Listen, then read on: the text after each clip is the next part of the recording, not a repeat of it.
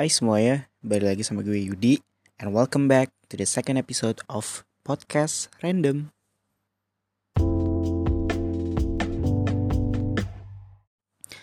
Anyway, belakangan menjadi hari yang berat banget buat gue Karena gue terlibat aktif dalam uh, kegiatan rutin organisasi kampus gue.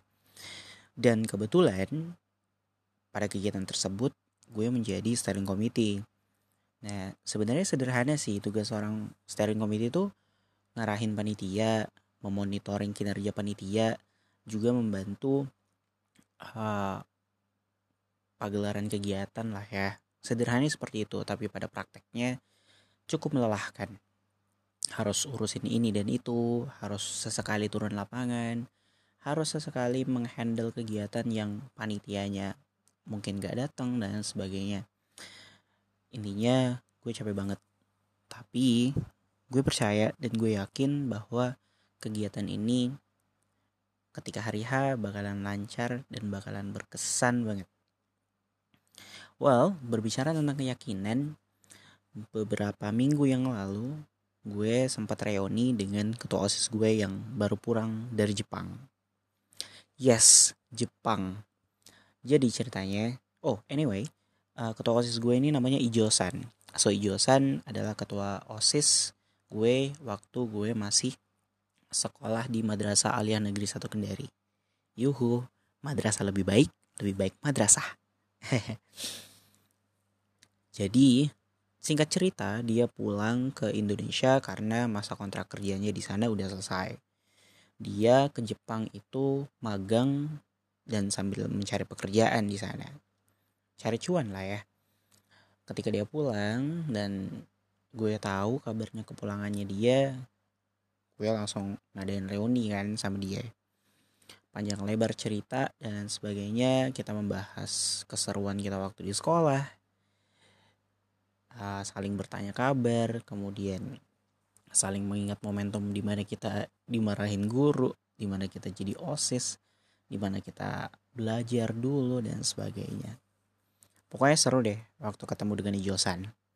Sampai di satu momen yang cukup panjang ceritanya si Ijosan ini sama dengan teman gue yang lain namanya Tasnim dia tuh ngebahas tentang pernikahan gitu si Ijosan yang uh, dulunya kita kenal nih sebagai orang yang tidak begitu agamis gitu ya tapi tahu-tahu begitu pulang dari Jepang dia membahas tentang keyakinan gitu.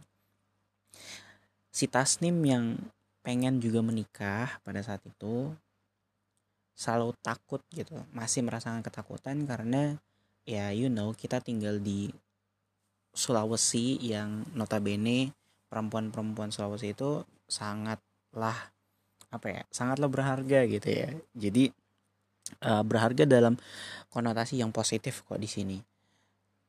Um, jadi ada adat istiadat di wilayah kami ini yang mewajibkan kita membayar uang panai. Uang panai itu sendiri adalah uh, salah satu adat yang sangat lumrah gitu di daerah Sulawesi ya. Nah, si Tasnim ini khawatir dan juga ngerasa takut gitu, takut bahwa tidak bisa uh, menunaikan ekspektasi uang panai ini dari si calonnya. Nah, si Yosan, ketua OSIS kita nih, dia tuh berbicara tentang keyakinan gitu. Dia pokoknya ngomongin yakin aja deh sama Allah, yakin aja deh gitu. Semua ada jalannya selama niatan yang kita lakukan itu baik gitu.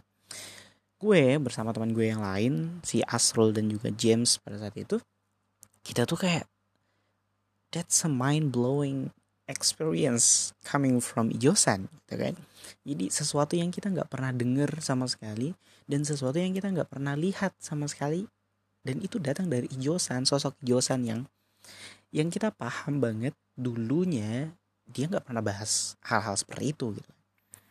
Bagaimana bisa seorang Ijosan yang baru pulang dari perantauan dan juga pengen menikah sebegitu yakinnya tanpa ya kita tidak menafikan juga sebenarnya rasa takut itu sendiri. Tapi yang disampaikan oleh Josan adalah ketika misalkan masalah kita sebesar kapal ya Tuhan kita harus kita yakini sebesar lautan. Artinya solusi yang diberikan oleh Tuhan kita gue jadi teringat gitu kan sama salah satu cerita yang termaktub di dalam salah satu hadis Nabi Shallallahu Alaihi Wasallam yang sahih. Jadi di hadis itu atau di cerita itu terdapat seorang bapak atau seorang laki-laki yang mengadukan perihal hidupnya atau perihal hidup anaknya kepada Rasulullah Shallallahu Alaihi Wasallam. Beliau datang kepada Nabi dan mengatakan, wahai Nabi, wahai Rasulullah, anak kami sedang ditawan oleh kaum kafir Quraisy dan mereka meminta sejumlah uang senilai 200 dirham. 200 dirham ini kalau misalnya kita rupiah kan mungkin ratusan juta kali ya, 200 sampai 300-an juta rupiah. Dan itu nilai yang sangat besar untuk uh, tebusan gitu ya, untuk tebusan seorang tawanan. Nah, apa yang kemudian dikasih sama Rasulullah bukanlah uang, karena Rasulullah SAW juga tidak memiliki uang pada saat itu. Abdurrahman bin Auf, salah satu sahabat Nabi yang terkenal kaya, juga tidak ada. Umar bin Khattab, Utsman bin Affan, Ali bin Abi Thalib, Abu Bakar As-Siddiq, semua para sahabat Nabi pun sedang pergi berdakwah, pergi berperang, dan juga pergi berdagang. Jadi tidak ada yang stay di tempat, gitu kan istilahnya. So bapak ini kemudian uh, bertanya kepada Rasulullah lagi, ya Rasulullah, bagaimana nasib anak saya? Rasulullah tidak kemudian putus asa karena tidak mampu memberikan bantuan berupa uang. Nabi langsung berkata, "Wahai Tuan, wahai Bapak, apakah engkau percaya kepada Allah?" "Iya, saya percaya." Jawab Bapak tadi. Kemudian Rasulullah bertanya lagi, "Apakah engkau percaya kepadaku?" "Iya, saya percaya kepadamu ya Rasulullah." Maka dari itu, ucapkanlah la haula wala quwata illa billah il aliyul azim. Apa respon dari bapak itu? Bapak itu langsung berkata, sami'tu wa ata'tu ya Rasulullah. Bukannya uang, tetapi doa yang diberikan oleh Rasulullah. Mungkin sebagian daripada kita, ini solusi yang tidak konkret, solusi yang tidak gitu solutif. Karena apakah iya gitu kan?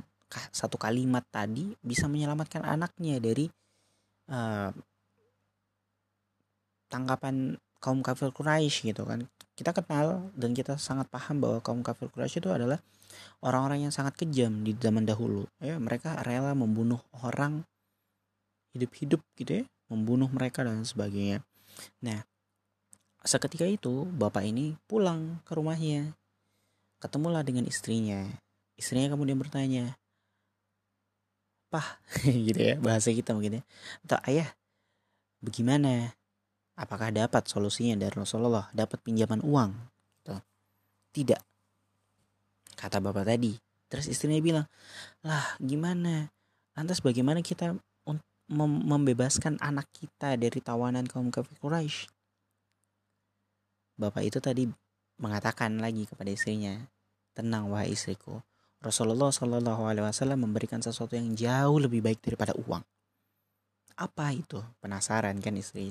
Terus bapak ini mengatakan, ucapkanlah la haula wala quwata illa billah il aliyul adim. Apa respon dari istrinya? Istrinya langsung berkata, sami'tu wa ta'atu.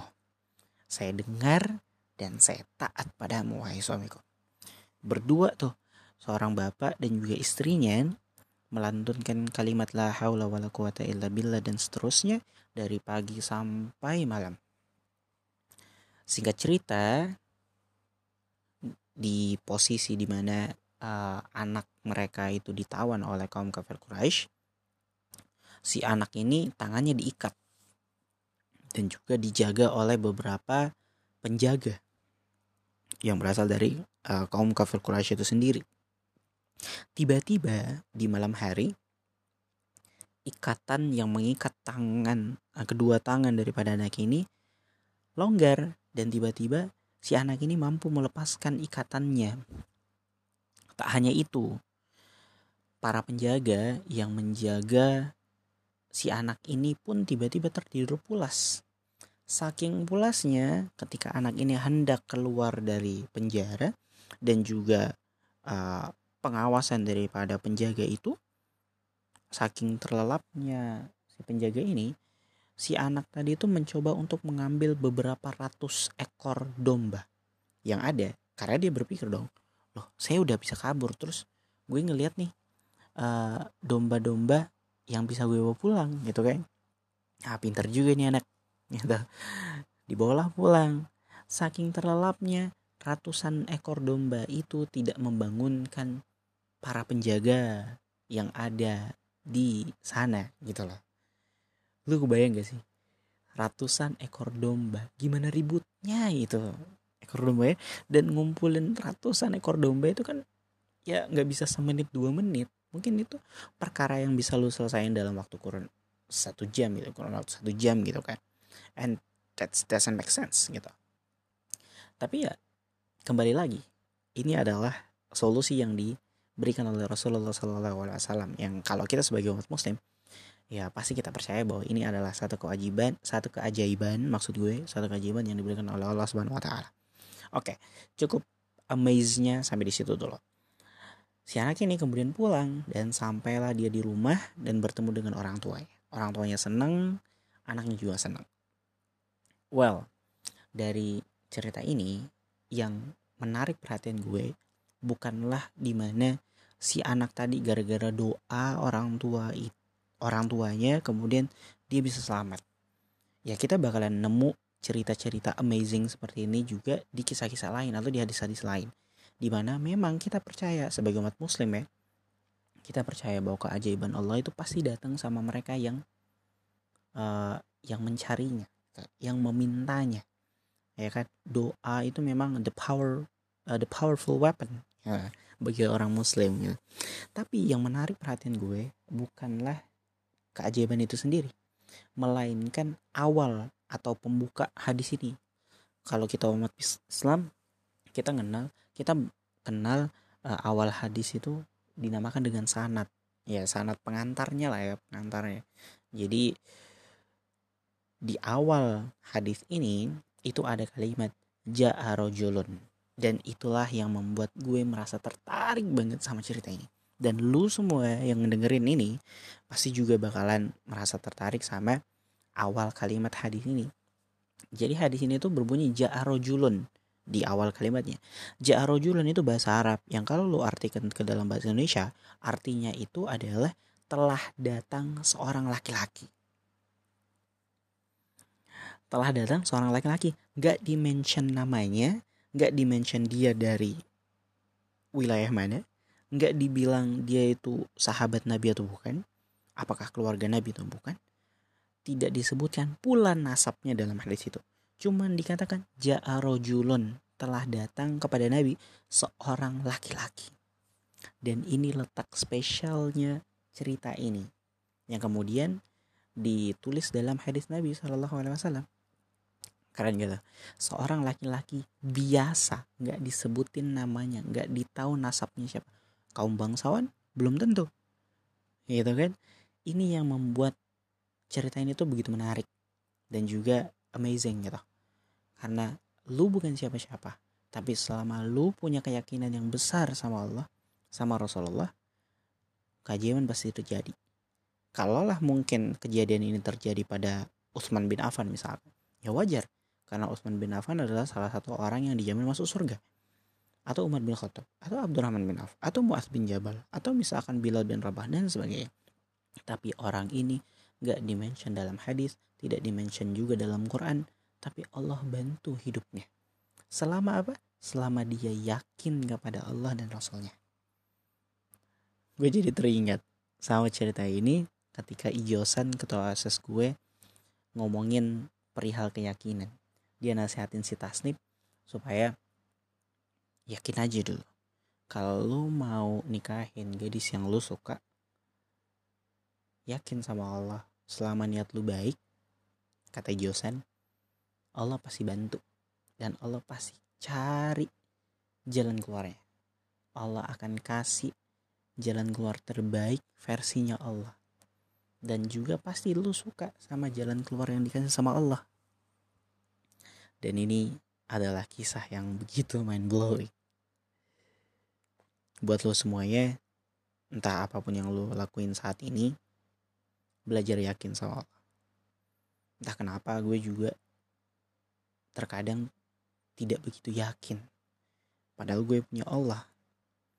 Gue ingat waktu masih kecil dulu di saat gue pakai sarung bokap gue ikat di leher terus gue cosplay jadi Superman. Ketika gue ambil sapu lidi nyokap. Dan gue naik di atasnya. Gue cosplay jadi Harry Potter. Sebegitu yakinnya gue gue menjadi superhero pada saat itu. Hanya bermodalkan sarung dan juga sapu lidi gitu kan. Dan entah bagaimana ceritanya semakin dewasa gue malah semakin ragu. Padahal gue paham konsepnya dan gue juga paham sekali apa yang dimaksudkan dengan hadis yang tadi kita ceritain dan semoga ini juga bisa menjadi inspirasi dan juga insight buat pikiran lo semua yang lagi overthinking karena kurang yakin sama diri lo sendiri atau kurang yakin sama Tuhan lo sendiri. Semoga bermanfaat. Sampai ketemu di podcast selanjutnya. See ya.